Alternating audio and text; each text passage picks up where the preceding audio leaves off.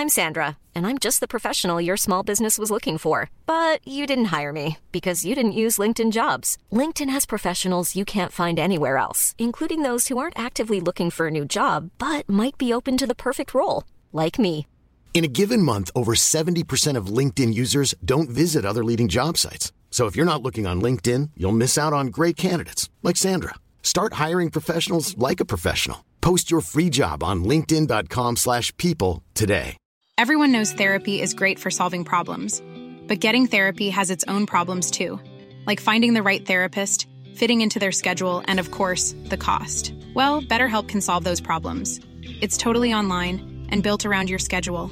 It's surprisingly affordable too. Connect with a credentialed therapist by phone, video, or online chat, all from the comfort of your home. Visit betterhelp.com to learn more and save 10% on your first month. That's BetterHelp H E L P. This is Paige, the co-host of Giggly Squad, and I want to tell you about a company that I've been loving, Olive and June. Olive and June gives you everything that you need for a salon quality manicure in one box. And if you break it down, it really comes out to $2 a manicure, which is absolutely insane. It's also so easy to get salon worthy nails at home with Olive and June. The difference between how your nails used to look when you did them yourself and now with the Manny system is a complete game changer. The best thing about Olive and June too is it's a quick dry, dries in about one minute, lasts for five days, and full coverage in up to one to two coats. Visit oliveandjune.com slash perfectmanny20 for 20% off your first system. That's oliveandjune.com slash perfectmanny20 for 20% off your first system. Vi är denna vecka sponsrade av Indie Beauty. Och Sofie, det här tycker jag är extra fint och extra roligt. Ja men Indie Beauty är ju ett skönhetsvarumärke som jag tror att väldigt många känner till, men det jag älskar mest det är att Indie Beauty liksom vill vara mer än bara produkter, vilket de ju också är. Exakt, Indie Beauty står ju för Independent Beauty, skönhet på dina villkor och för din egen skull. Och Indie Beauty tror ju stenhårt på ett alternativt skönhetsideal fritt från måsten, skam och känslor av otillräcklighet. Där är jag helt med Indie Beauty. Jag med. Det är så jag vill att skönhet ska vara. Ja men verkligen. Och vet du vad som är nytt för i år Sofie? Berätta. Från och med i år så skänker Indie Beauty 1% av sin försäljning till Suicide Zero, Tjejzonen och Djurens Rätt. Så när man handlar produkter från Indie Beauty så kan man liksom känna att man också ger tillbaka till samhället. Ja, kraften i tillsammans. Ska jag säga en sak nu då, Mm. som jag, det, men det är detta jag är extra glad över.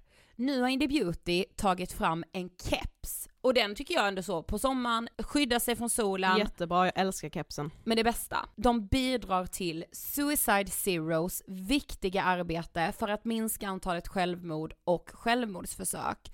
Så för varje såld keps så går hela vinsten, 100 kronor, direkt till Suicide Zero. Då kan man liksom göra nytta både för samhället och sin hud på en och samma gång. Ja, och kepsen kostar 169 men alltså hela vinsten går då som sagt till Suicide Zero. Så om man vill göra skillnad när man är där ute i solen, nu när den börjar titta fram, då ska man välja den här kepsen. Den säljs exklusivt på indiebeauty.se och på Apotea. Tillsammans kan vi skapa en ljusare framtid. Vi ses med kepsarna på! Tack Indie Beauty. Vi är sponsrade av Mindler och som ni säkert vet sedan tidigare så är vi ju ute på psykologresan tillsammans. Men hur vet man egentligen när det är dags att söka hjälp? Ibland uppstår saker i livet som kommer utmana oss och kännas tufft. Det mesta självläker vi oss igenom, för vi är menade att ta oss igenom en viss mängd påfrestningar. Men ibland behöver man professionell hjälp för att ta sig ur jobbiga perioder i livet. Men vart går då gränsen? Vad är en del av livets skavighet och när är det läge att söka hjälp? Det sägs till exempel att stress är farligt, men att det också kan vara bra. Alla sover dåligt ibland, så när har man egentligen sömnproblem? Ångesten kommer väl krypande för de flesta någon gång. Så när ska man se ångesten som outhärdlig? Hur vet jag?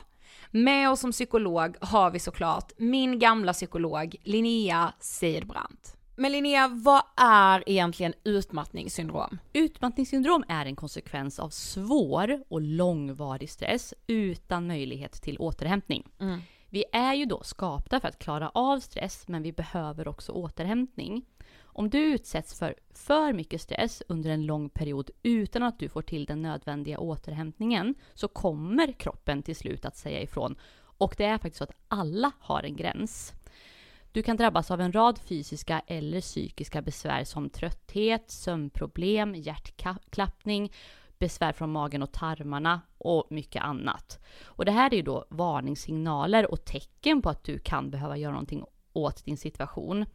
Annars så kan besvären utvecklas till att du mår så dåligt på sikt att du blir psykiskt och fysiskt utmattad. Ladda ner Mindler till din telefon och läs mer på mindler.se. Hedersrelaterat våld och förtryck.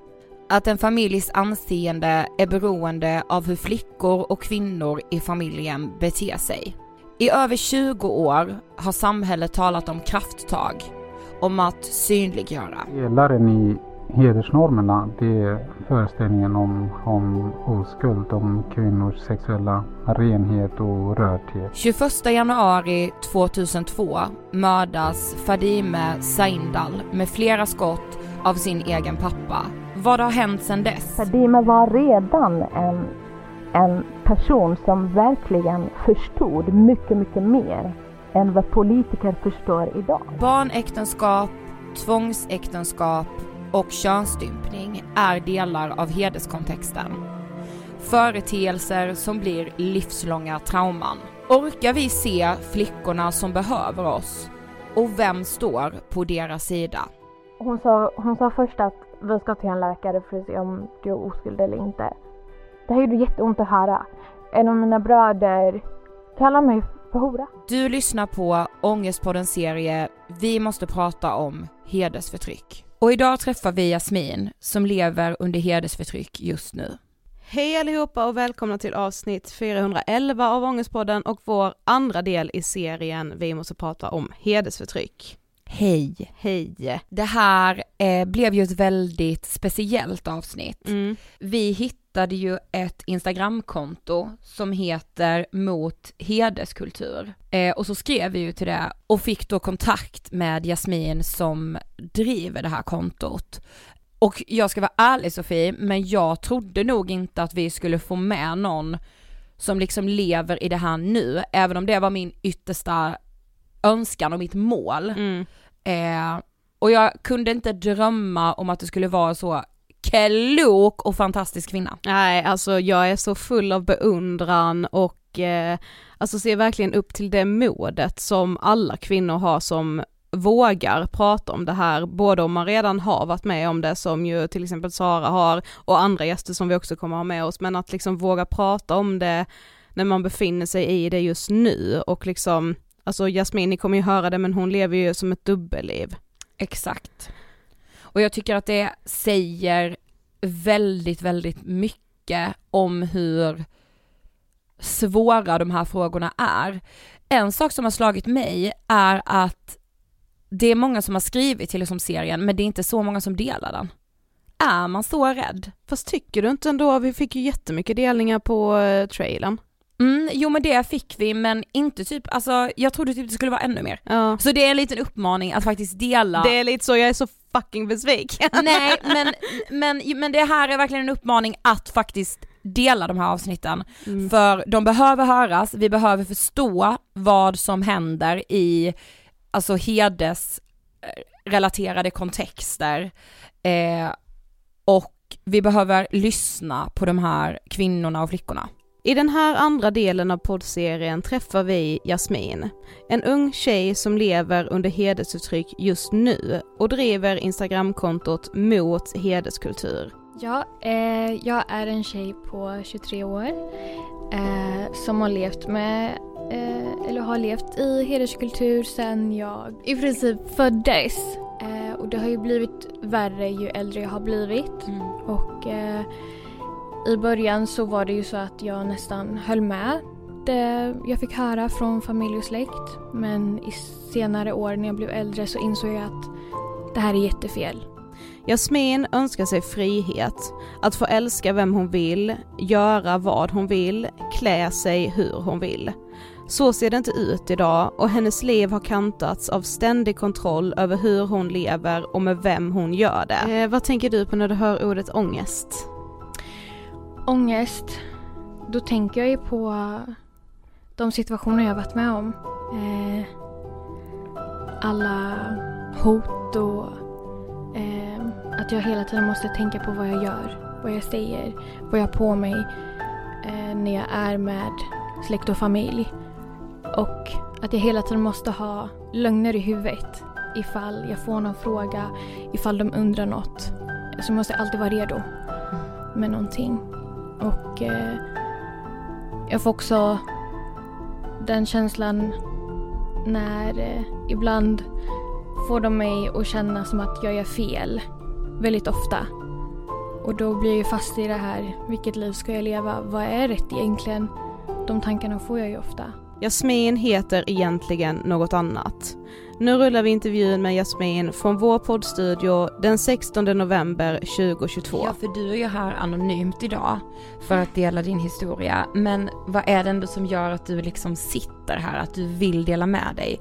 För som vi sa till dig innan, alltså det är så modigt och starkt. Mm. Det är egentligen för att jag vill att eh, andra där ute ska höra att det finns någon som dem. Eh, att vi går igenom samma saker. Jag vill bara att ingen ska känna sig ensam och att ingen ska känna att de är fast. Mm. För det är man inte. Jag vet att man känner så. Jag vet verkligen hur det känns. Men förstå att jag finns här och jag vill jättegärna hjälpa folk. Och jag har ju skrivit det många gånger. Ifall någon behöver tips och råd, snälla skriv till mig så Mm. hjälps vi åt. Mm. Men du kom till Sverige när du var tre fyra år gammal. Men var är du född och minns du hur det var att liksom komma hit? Jag är ju då född i Kurdistan. Jag minns inte mycket av det men jag har ju varit där många gånger. Mm. Vi har ju varit där, eller när jag bodde hemma då. Vi var väl där kanske varje sommar.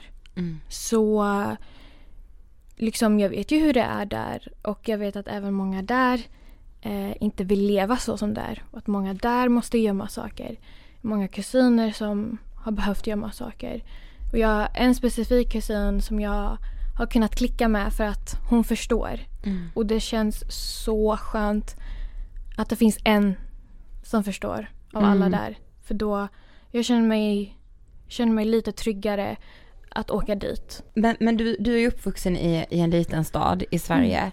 Eh, hur, hur var din uppväxt där? I början, jag trodde ju liksom att jag levde som vem som helst. Allting var normalt.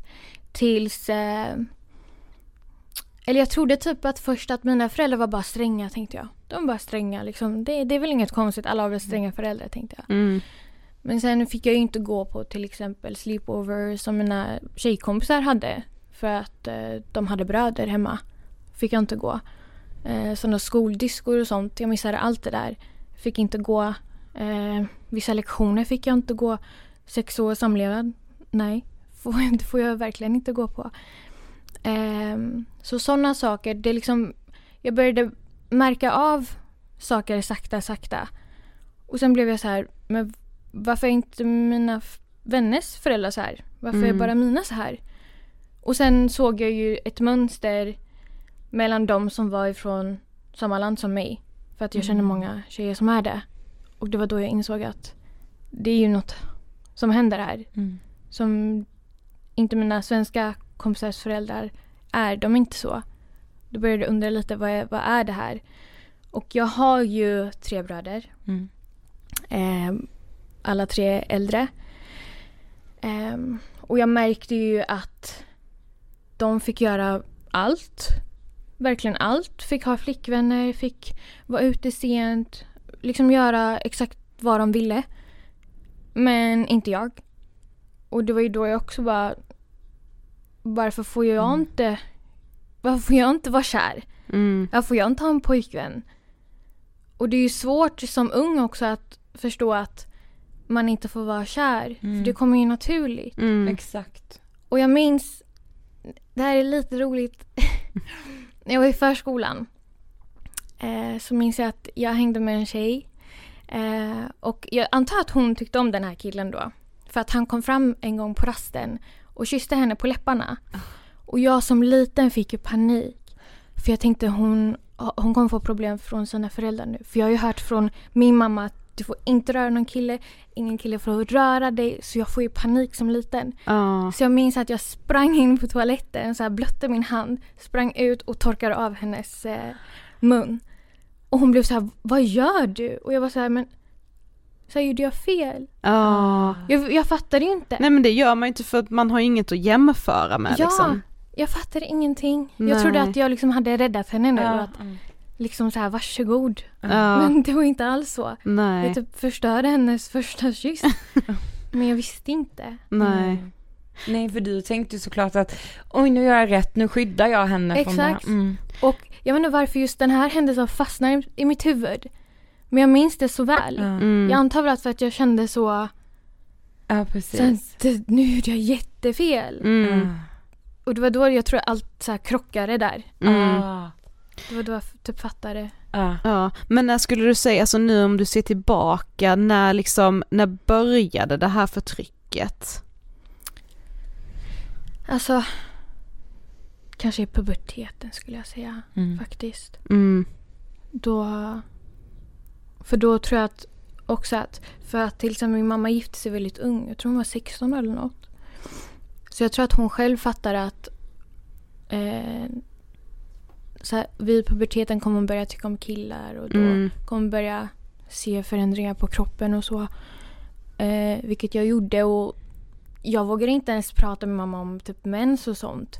Jag trodde att det var något fel först i början. Mm. För att jag hade fått höra sen jag var liten från min mamma att när, alltså, bröll- bröllopsnatten är ju liksom ett stort, Mm. Ja. det är en stor grej. Och jag har fått höra om det sen jag var liten. Att bröll- bröllopsnatten är viktig. Du måste blöda då. Och då var jag så här, men vad menar hon med blöda? Så här, mens. När jag såg min mens var jag så här, Ah. menar hon, har jag gjort, nu har jag gjort fel typ? Mm. Alltså jag var så förvirrad som liten. För jag får ingen riktig information. Jag vet inte vem jag ska vända mig till. Jag får bara höra det min mamma säger. Och jag vet inte vad som är rätt och fel. Jag vet ingenting. Jag känner mig så vilsen. Mm. Och jag gjorde verkligen det jättelänge. Jag har känt mig väldigt, väldigt vilsen. Och jag har ju liksom fått lära mig allt det här själv och söka upp och kolla vad hederskultur är och Mm.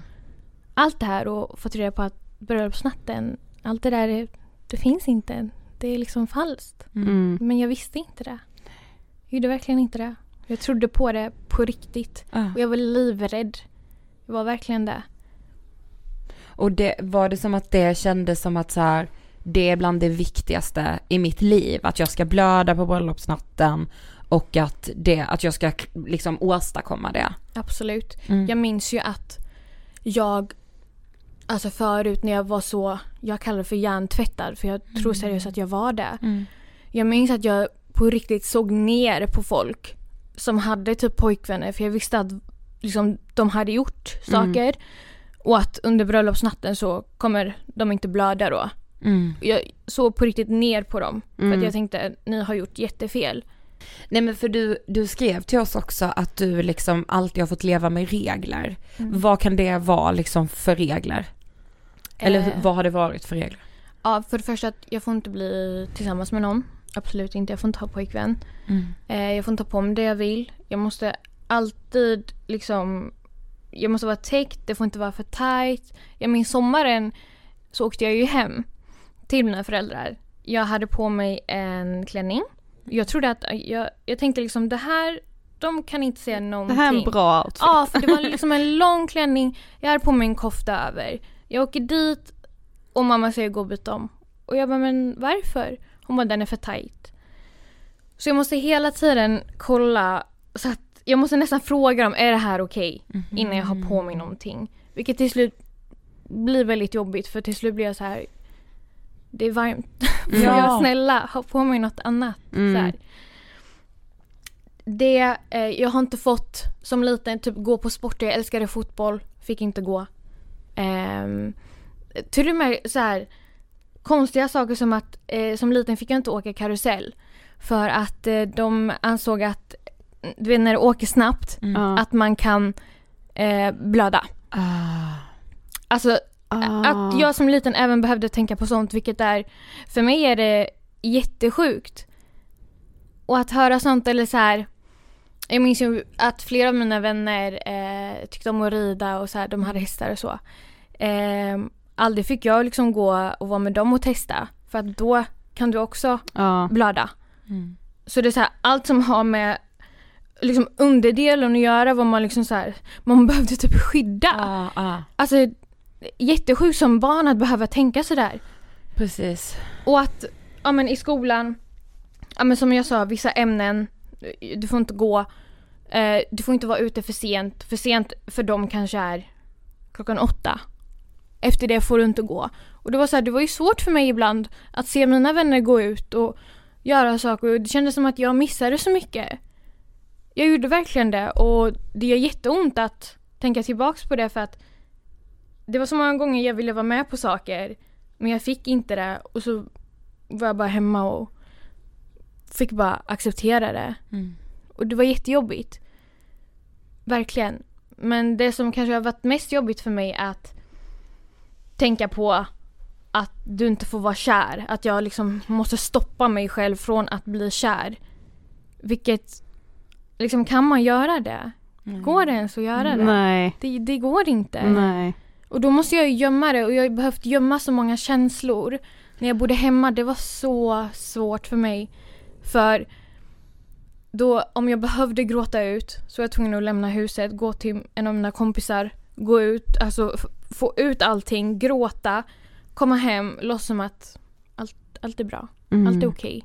Liksom om jag, om jag har haft kärleksproblem, jag kan ju inte ta upp det med dem. Jag kan ju inte det. Så jag har fått dölja så många känslor och dölja bara så mycket av mitt liv. Mm. Jag tror inte de vet hälften av mitt liv. De gör inte det. Ja för har det hänt att du liksom har blivit kär i någon som du vet att så här, den, jag får inte vara kär i den här personen och vad har hänt då liksom? Alltså jag, jag kan berätta en sak som hände mig, vilket var jättehemskt. Eh, jag blev tillsammans med en kille. Ja, det var ju hemligt såklart. Eh, och varje gång jag skulle träffa honom så fick jag ju åka dit han bodde. För jag kunde inte vara i, den staden jag var i ifall någon skulle se oss. Mm. Ehm, och jag var ju öppen med allt till honom. Så ja han visste att det var han hemligt visste. liksom. Ja. Mm. Och han visste hur mitt liv var, att jag levde i hederskultur och hur mina föräldrar var och allting. Eh, och han drog ju nytta av det till slut. För att efter några år så sa han om du gör slut med mig så kommer jag berätta för din familj och jag kommer skicka bilder till dina bröder. Åh fy fan. Ja. Och eh, han gjorde det. Mm. Han skickade bilder. Han skickade. Och vad hände då? Alltså. Det här var då. Det roliga var, jag och min kompis, vi satt i bilen. Vi var på väg till polisstationen. För att jag ville anmäla honom för hot. Mm. Såklart. Ja såklart han hade hot. hotat mig i, jag tror ett halvår. Ja. Vi var på väg dit. Och han skriver, jag har skickat. Alltså jag tror inte någon förstår. Alltså jag skakade. Alltså, och min, min vän är ju från samma land, hon jag var med. Mm. Och hon fattade alltså Mm. att nu, nu är det kaos. Alltså nu, jag visste inte vad jag skulle göra. Alltså jag har aldrig varit med om något värre tror jag. Mitt hjärta gick verkligen i en miljon. Mm. Och jag vågade inte gå hem. Alltså jag grät och jag grät och även i polisstationen, jag kunde inte ens prata. Jag grät. Jag kunde inte göra något annat än att gråta. Och sen får jag ju massa samtal. Och jag vågar inte svara först och sen försöker jag lugna ner mig och sen svarar jag på mamma. Och hon bara skriker på mig. Och hon sa, hon sa först att vi ska till en läkare för att se om du är oskuld eller inte. Ehm. och sen kunde jag inte prata mer. Jag bara la på. För jag, visste inte, jag kunde seriöst inte prata. Sen efter några timmar så går jag hem. Eh, min bror öppnar och han säger kom vi ska prata i köket. Och tack gud min pappa var inte hemma den dagen. Min pappa vet, alltså ännu idag, han vet inte om det här. Okej. Hade min pappa vetat tror jag att det här hade blivit mycket, mycket värre. Det är jag nästan säker på. Mm. Men jag går in i köket och jag sätter mig ner och jag vågar inte ens kolla på dem. Jag bara kollar ner. Och även de är helt tysta först och sen frågar de bara Vad fan tänkte du? Så här, vad är det här? Och jag var så här vad, liksom, vad ska jag säga? Det är vad det är. Mm. Och nu, alltså jag kände mig Alltså att ens bröder ser sådana bilder, alltså Nej. vem vill det? Nej, precis. Och jag minns att eh, det här gjorde jätteont att höra. En av mina bröder kallar mig för hora. Alltså att höra det från sin bror. Det gjorde jätteont. Mm. Ehm, men de gjorde inte mer just där och då. Men de tog bort mitt lås ifrån min dörr. För jag hade en sånt där man, Ah, de tog bort det Mm. samma dag. Mm. Jag märkte att de blev ännu mer stränga, ville se vad jag gjorde, vem jag var med.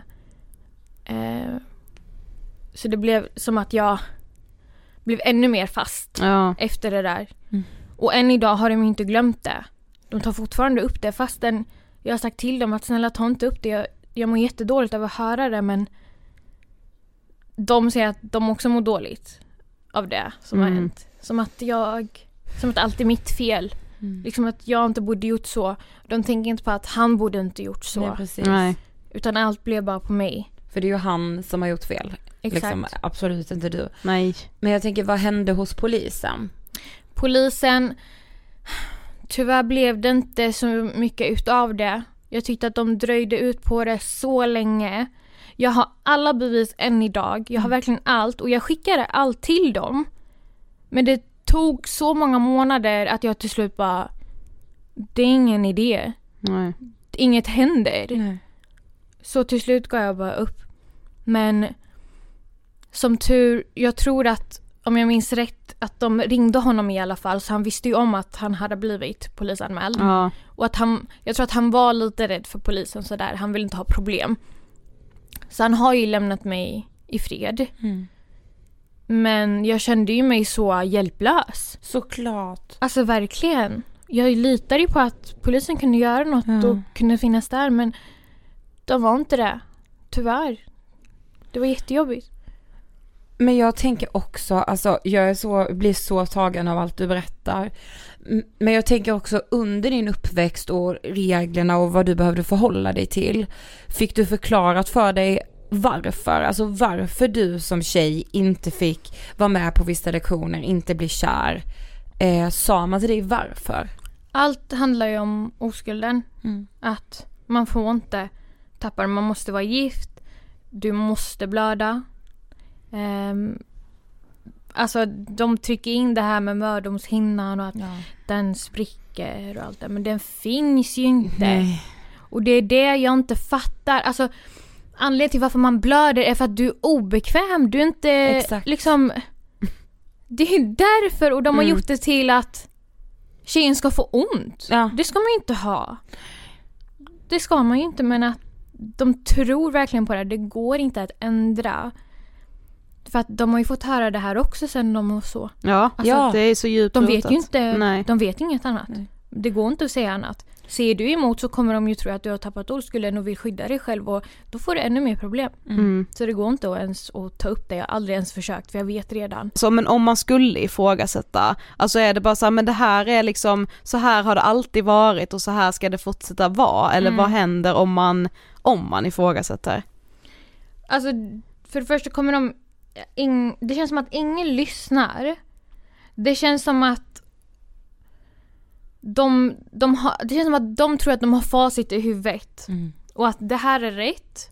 För så här har det alltid varit. Och att, när jag har sagt åt till exempel mina bröder, då har de sagt du har blivit svensk.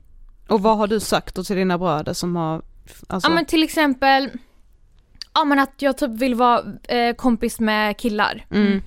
Eller att jag vet mina rättigheter, liksom du får inte hota mig och du får inte säga sånt.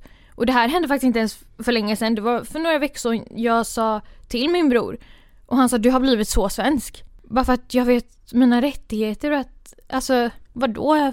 Vadå jag har blivit svensk? Mm. Jag är inte svensk, men jag vet att det här är fel det ni gör. Men, men jag tänker också, alltså du har ju sagt nu att du har bröder och sådär, lever de under något som helst förtryck eller är de fria att välja själva? Nej, alltså det enda jag tänker att de, för jag minns min bror sa så här till mig, han sa jag har ett ansvar. Han bara jag måste hålla koll på dig åt familjen för att han bor i samma stad. Mm. Så jag tror att de också känner att de måste ha koll på mig. Att det är liksom här föräldrarna säger åt bröderna håll koll på systern och Mm. de känner jag måste göra det annars Mm. får jag problem från föräldrarna. Ja exakt. Ja. Så det är ju det här, det går ju bara runt. Mm. ja det blir en ond spiral. Ja, liksom, det är så din fortsätter. uppgift är att behålla oskulden, deras uppgift är att se till så att du inte blir av med Ja. oskulden. Alltså, Och att jag liksom inte gör saker för att förstöra deras rykte. Ingen ska liksom tycka att fam- ja, men hon är en dålig dotter eller Mm. det är en dålig familj. Det där får inte finnas. Det ska vara god familj, bara bra rykten. Ingen ska prata någonting om en.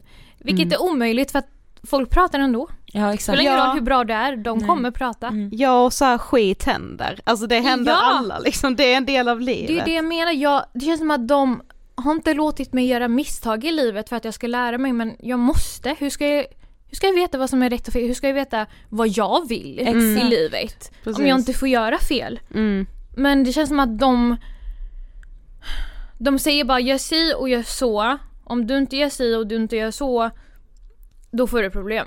Mm. Och jag kan inte leva så som de vill. Och det är många som inte kan. Det är jättejobbigt att leva så. För då lever jag inte mitt liv. Nej. Jag lever ju liksom deras liv. Mm. Det de vill. Men det är absolut inte det jag vill. Jag har bara ett liv. Jag kan inte bara liksom låta någon annan bestämma. Men när skulle du säga att du förstod att du levde i det här förtrycket? Var det liksom, no, alltså finns det någon specifik händelse som har varit så här shit eller liksom, eller var det bara mer att det liksom smög på? Jag tror bara det smög på. Som sagt, jag märkte att de här små detaljerna, att jag fick inte göra vissa saker. Jag märkte att andra fick det. One size fits all seemed like a good idea for clothes Nice dress. Uh, it's a it's a t-shirt. until you tried it on. Same goes for your healthcare.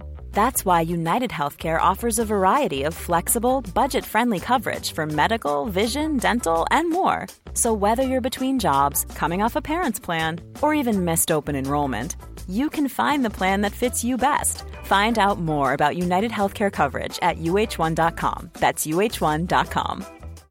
One size fits all seems like a good idea for clothes until you try them on. Same goes for healthcare. That's why United Healthcare offers flexible, budget friendly coverage for medical, vision, dental, and more. Learn more at uh1.com.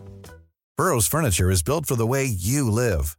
From ensuring easy assembly and disassembly to honoring highly requested new colors for their award-winning seating, they always have their customers in mind. Their modular seating is made out of durable materials to last and grow with you. And with Burrow, you always get fast, free shipping. Get up to 60% off during Burrow's Memorial Day sale at burrow.com slash ACAST. That's burrow.com slash ACAST. burrow.com slash ACAST. Och det väckte ju något i mig. Det liksom väckte ett frågetecken och jag Mm. blev så här, varför? Varför är det så här? Men som jag sa i början, i början var jag ju hjärntvättad. Jag trodde på allt. Jag trodde att det var rätt. Mm. Tills jag då blev kär i någon. Och jag kände att jag kan inte jag kan inte leva så som de vill. För enligt dem, om man blir kär då vill de att direkt ska du presentera honom för familjen. Direkt ska ni förlova er, direkt ska ni gifta er. Mm. Hur ska jag veta hur han är? Nej. Nej. Alltså, Man hallå? måste ju lära Ja. känna varandra. Ja. Och människor ändras ju genom tiden. Jag menar han jag berättade om var ju jättebra i början. Ja såklart. Och sen, Efter mm. två år blev det ju en helt annan människa. Mm. Men de vill att liksom, det ska gå snabbt.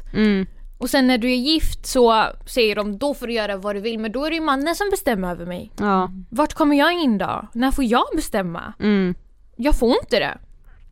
Först är det mina föräldrar, sen blir det min man. Ja, precis. Det är aldrig jag. Nej. Men typ som så här med att du inte fick vara på sexualundervisningen, alltså, alltså sket du i de lektionerna då eller gick du dit ändå? Alltså hur eh, reagerade inte skolan när du inte fick vara på de lektionerna? Jag ljög för mina föräldrar. Ja. Jag var ju där med mina vänner, jag minns det. Mm. Men jag fick ljuga, jag sa jag gick inte. Ja. Jaha. Och det har ju mm. fått göra med mm, massa, massa saker. Mm. Säga att jag inte var där och jag gjorde inget och lalala. Men eh, alltså det är viktigt med sex och samlevnad. Ja. Såklart. Och jag visste ju det. Därför gick jag. Men jag visste att jag inte kunde säga det. Mm. Så vad ska jag göra? Får jag ju ljuga. Och det blir ju lite deras fel att jag blir tvungen att ljuga för jag kan ju inte vara ärlig. Nej. Då får jag bara problem. Vad skulle du säga är den största skillnaden mellan dig och dina bröders uppväxt? Oj, allt. Mm. Verkligen allt. Jag kan inte... Jag menar, de fick ju gå på allt i skolan, fick vara vän med vem som helst, fick ha massa flickvänner, tog hem dem och jag träffade ju alla. Eh, alltså, allt, allt, allt. De är liksom fria som fåglar. Mm. Fick bestämma exakt hur de ville och Alltså om de ville flytta fick de göra det. För mig, jag sa ju det här till er, det var ett mirakel att jag fick flytta till Stockholm. Mm. Alltså ett mirakel. Jag är fortfarande chockad att jag är, är här. Mm. För aldrig i livet att jag trodde att det skulle hända. Verkligen Nej. aldrig. Jag trodde inte det. Men har din familj eh, försökt eh, gifta bort dig eller så, liksom para ihop dig? Inte gifta bort. De har varit så här gett förslag. Ja. Och då har det varit så här kusiner. Eller eh, till exempel en familjevän som är jättenära oss. För de vill att jag helst gifter mig med någon där de, som de känner. Mm. Men så som de känner någon betyder inte, alltså det betyder inte att de är så som de visar för mina föräldrar. Nej. Förstår ni? Mm. Alltså om jag skulle bli tillsammans med den personen de eh, föreslår då kanske han är något helt annat än vad de tror. Exakt. Liksom de är inte tillsammans med honom. Så därför gillar jag inte att de sitter och ger förslag för att ni vet inte. Ni gör inte det. Jag måste veta. Men jag får inte vara tillsammans med någon. Så jag vet, alltså det är så konstigt det här med hur de har tänkt att man ska hitta sin partner i livet. Mm. Många har ju bara fått vara med någon. Ja, man blir tilldelad Ja. liksom. mm. Men har du då bara så, nej jag vill inte när de har gett förslag eller har du bara nej, alltså, Ja, jag har ju sagt nej. ja. Jag har ju sagt nej, men jag har inte sagt jag ska gifta mig med vem jag vill och sånt. Alltså jag vill inte, för jag vet att det kommer väcka frågor i dem och då kommer de tro att jag vill gifta mig med någon som de tror att jag vill gifta mig med någon kriminell och sånt. Alltså deras tankar flyger upp i Ja. jag vet inte vad. Mm. Nej, det är inte det jag menar. Det jag menar är jag vill gifta mig med den jag blir kär i. Ja. Alltså, punkt. Men man vill heller inte göra en scen liksom. Ja. Mm. Det är det jag alltid försöker undvika. Mm. Så även om de säger något fel nu för tiden är jag bara tyst. Ja. För jag orkar inte. Men när du liksom ändå började förstå som du nämnde att så, okej, jag har det inte på samma sätt som mina kompisar, jag är begränsad, jag förhåller mig till regler. Var det någon gång som du försökte få hjälp, alltså så i skolan, av någon lärare, någon kompis eller något sånt? Alltså, det, jag kan berätta ett som, det hände ju inte för länge sedan men i, innan jag fick flytta till Stockholm så blev jag ju tvungen till att flytta till en annan stad. Eh, för att min bror pluggade där. Så jag var tvungen att flytta dit för att jag sa att jag ville plugga. Men då sa de, "Ja, men då har du bara det här valet. Då tänkte jag, men åtminstone får jag plugga. Så jag gjorde det. Jag var där. Trivdes inte alls. Efter jag tror ett halvår. Jag blev så trött. Alltså jag blev så trött. Och jag, jag bodde i en, eh, ett sånt studentkorridor. Ja. Jag minns bara hur dåligt jag mådde. Och då väcktes alla de här tankarna med att jag orkar inte leva så här. Mm. Alltså varför har jag fått, varför måste jag bo här? När jag ser alla mina vänner, de, de flyttar dit de vill. Och pluggar där de vill. Och gör vad de vill, blir kär i vem de vill. Och här är jag och kan inte göra något av det där.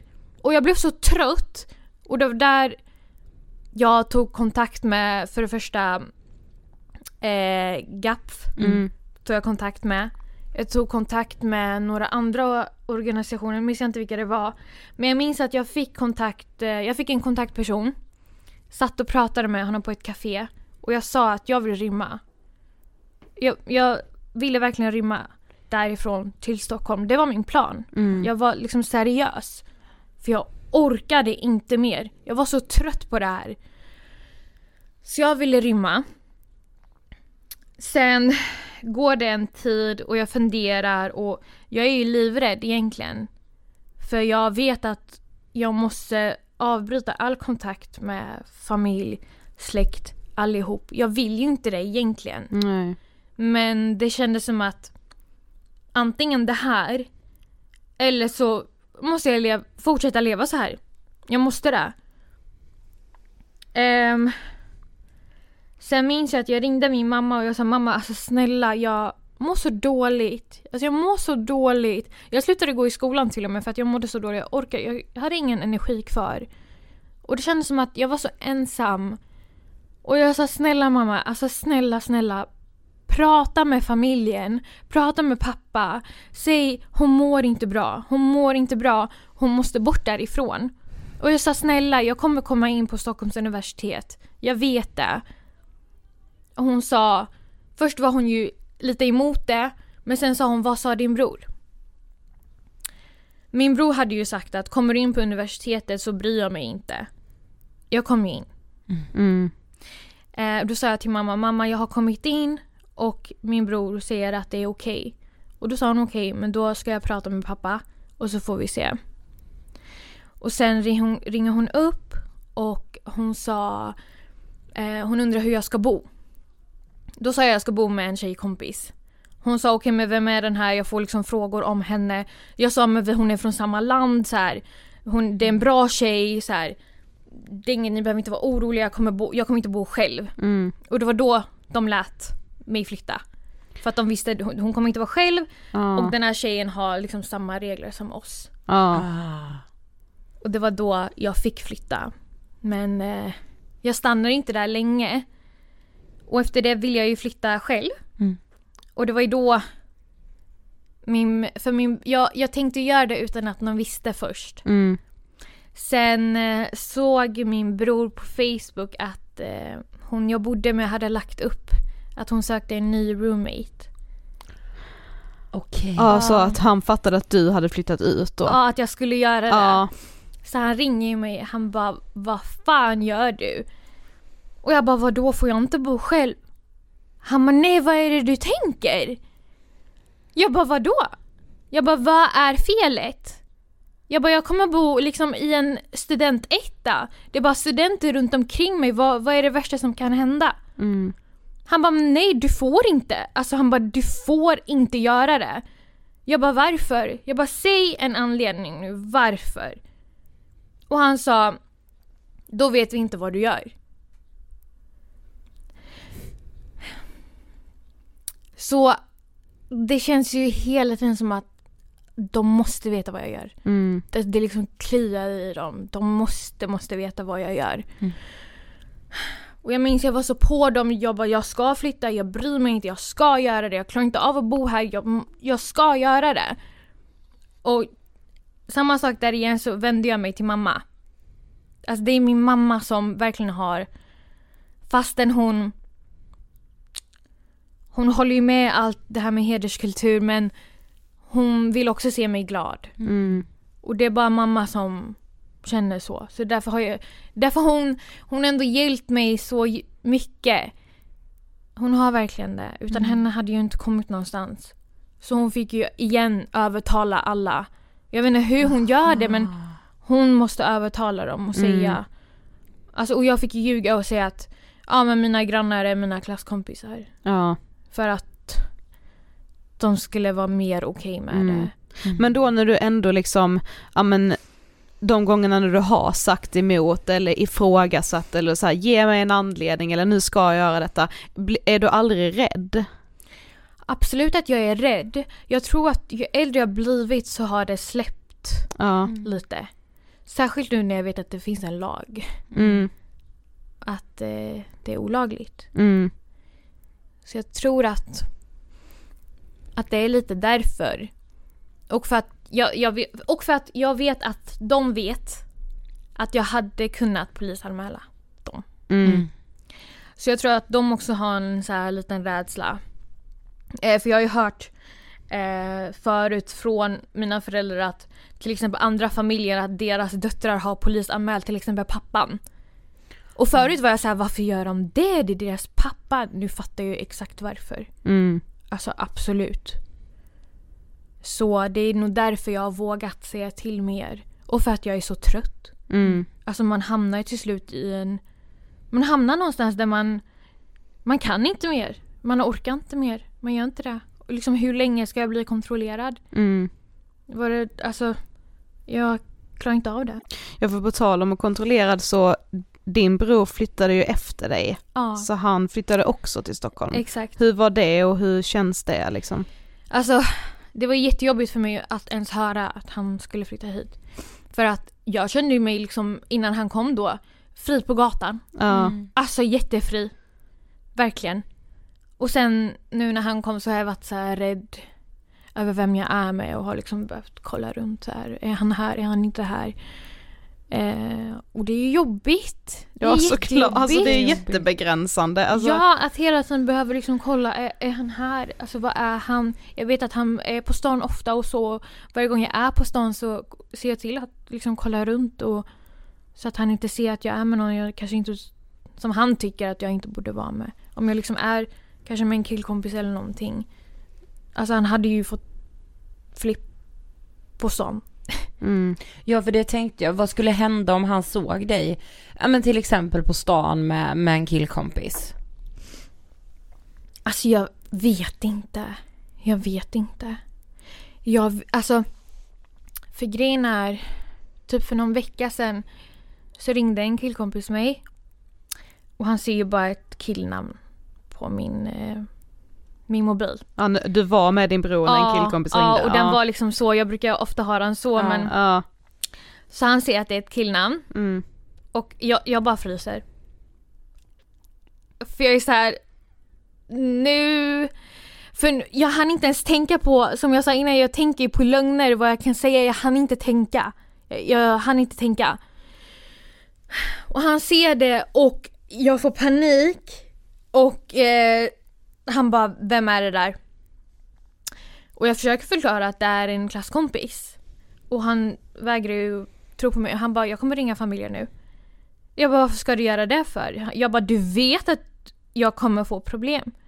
Varför ska du göra det? Och jag började gråta direkt för jag blev ju påmind om det som har hänt med den killen. Mm. För jag vill inte ha mer problem med familjen, jag orkade inte mer. Och han sa, du vet ju vad som gäller. Alltså att jag inte får vara i närheten av killar. Och han blev jättearg på mig. Och jag visste inte, jag kunde inte göra mer än att bara gråta och gråta och gråta. Jag kunde inte det. Och att han sa att han skulle ringa familjen när han vet vad som kan hända. När han vet att alla kommer vara emot mig, jag kommer behöva... Ja men... Bara rymma ifrån allt. Och att han gör en sån stor scen av att någon ringer mig. Och även efter det, för jag gick ju hem efter det. När jag var hos han. Jag klarade inte av att vara kvar. Han skrev ju till mig på morgonen därefter och frågade samma sak. Vem är det? Behöver jag vara orolig? Vad heter han? Alltså alla de här frågorna, det kändes som att det var någon polis här och det var Ja. utredning liksom. Mm. Och jag får alltid någon, jag får alltid samma känsla när sådana här saker händer. Alltså det är något här i bröstet som händer på mig. För det känns som att Alltså jag vet inte ens hur jag ska förklara den känslan. Men det är som att jag bara vill försvinna. Mm. För jag klarar inte av att, det känns som att alla är på mig. Mm. Varje gång, hela tiden, hade en tjej ringt min bror, vem hade reagerat? Inte en, inte en enda person. Nej. Alltså ingen hade sagt någonting. Men när det är jag, då blir det kaos. Mm. Och han sa till mig till mig, han bara jag har inte kunnat sova på hela natten för jag har tänkt på det här. Alltså, liksom vad är det som har hänt? Jag fick ett samtal. Mm. Jag fick ett samtal. Och det har blivit värsta grejen som att jag har gjort det dummaste som finns i hela världen. Att han Mm. inte ens kan sova då. Ja, men du beskrev ju till oss innan att, eh, att det är som att du lever ett dubbelliv. Mm. Alltså kan du utveckla det, liksom, vad menar du med det? Alltså det här dubbla livet är ju att jag lever ett liv som mina föräldrar ser, som mina syskon ser och jag lever ett liv som de inte ser. Mm. Och eh, det är ju, då menar jag att jag, måste, jag har behövt ljuga för dem om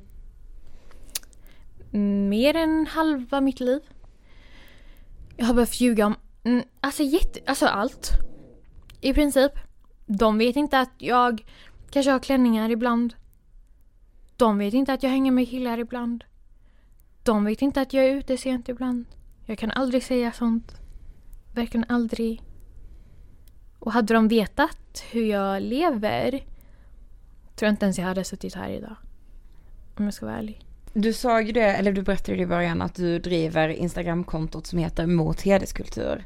Eh, och det var ju så som vi fick kontakt för vi hittade det kontot i arbetet med den här serien och blev så här wow det finns så mycket att lära sig och det är också så starkt att få ta del av de här berättelserna från framförallt då unga Ja. tjejer. Eh, men alltså vad är det som driver dig till att ha det här kontot?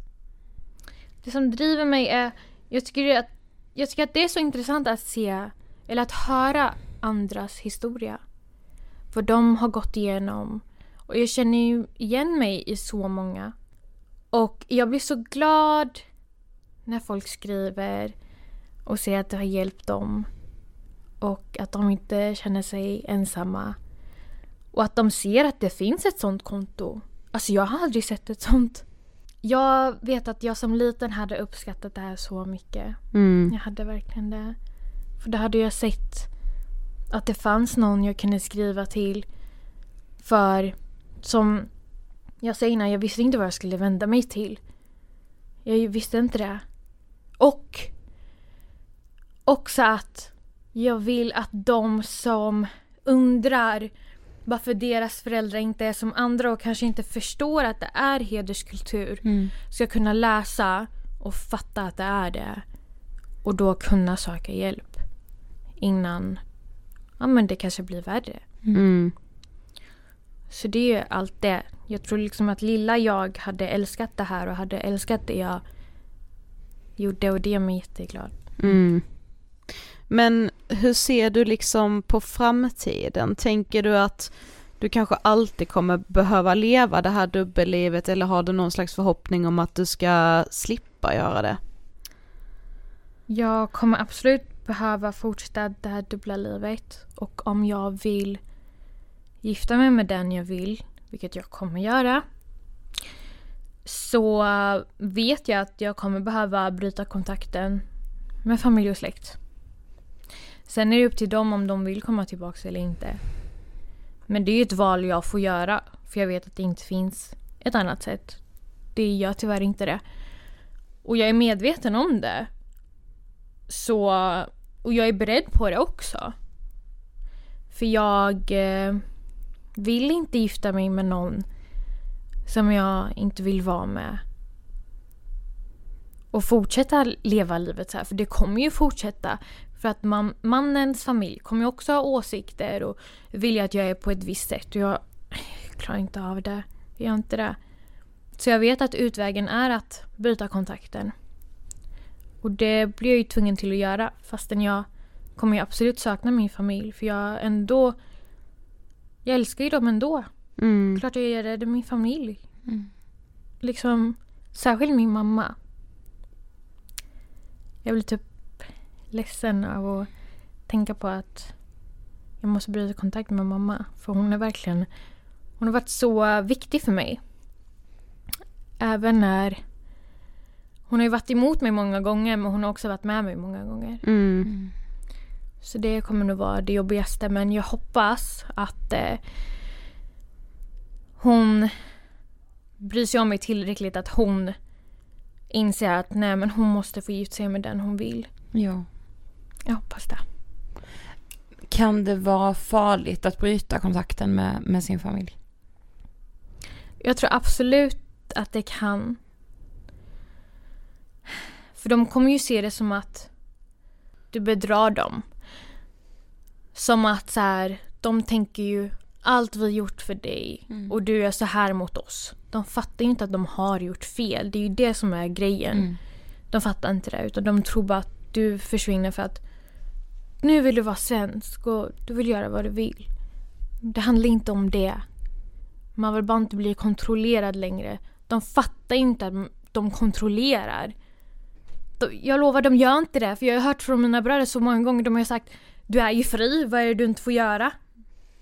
Liksom har du ens tänkt på vad du får göra och vad jag får göra? Mm. Jag tror inte, de har aldrig tänkt så. De har inte jämfört. Hade de gjort det hade de fattat. Mm. Men de gör inte det för de tänker att jag får göra på det här sättet för jag är kille, du får göra så för att du är tjej, punkt. Mm. Och så tänker de inte mer på det.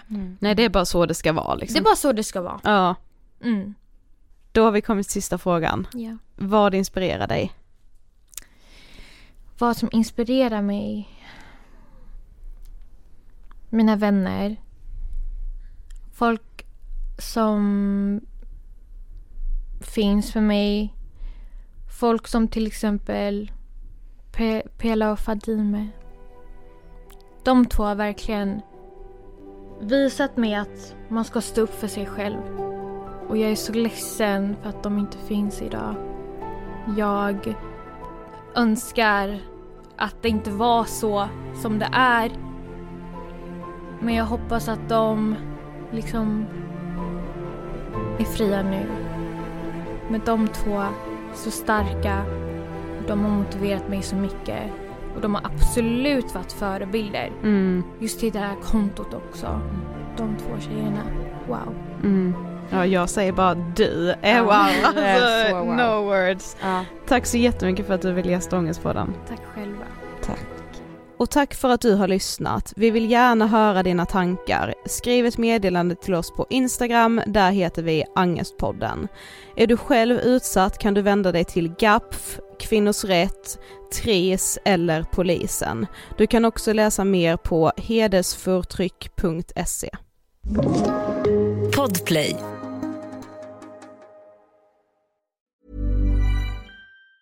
Planning for your next trip? Elevate your travel style with Quince. Quince has all the jet setting essentials you'll want for your next getaway, like European linen, premium luggage options, buttery soft Italian leather bags, and so much more. And it's all priced at 50 to 80% less than similar brands. Plus, Quince only works with factories that use safe and ethical manufacturing practices. Pack your bags with high-quality essentials you'll be wearing for vacations to come with Quince. Go to quince.com slash trip for free shipping and 365-day returns. Mom deserves the best, and there's no better place to shop for Mother's Day than Whole Foods Market. They're your destination for unbeatable savings, from premium gifts to show-stopping flowers and irresistible desserts. Start by saving 33% with Prime on all body care and candles. Then get a 15-stem bunch of tulips for just $9.99 each with Prime. Round out Mom's menu with festive rosé, irresistible berry chantilly cake, and more special treats. Come celebrate Mother's Day at Whole Foods Market. Imagine the softest sheets you've ever felt. Now imagine them getting even softer over time. That's what you'll feel with Bowl and Branch's organic cotton sheets. In a recent customer survey, 96% replied that Bowl and Branch sheets get softer with every wash. Start getting your best night's sleep in these sheets that get softer and softer for years to come. Try their sheets with a 30-night guarantee. Plus, get 15% off your first order at bowlandbranch.com. Code BUTTERY. Exclusions apply. See site for details.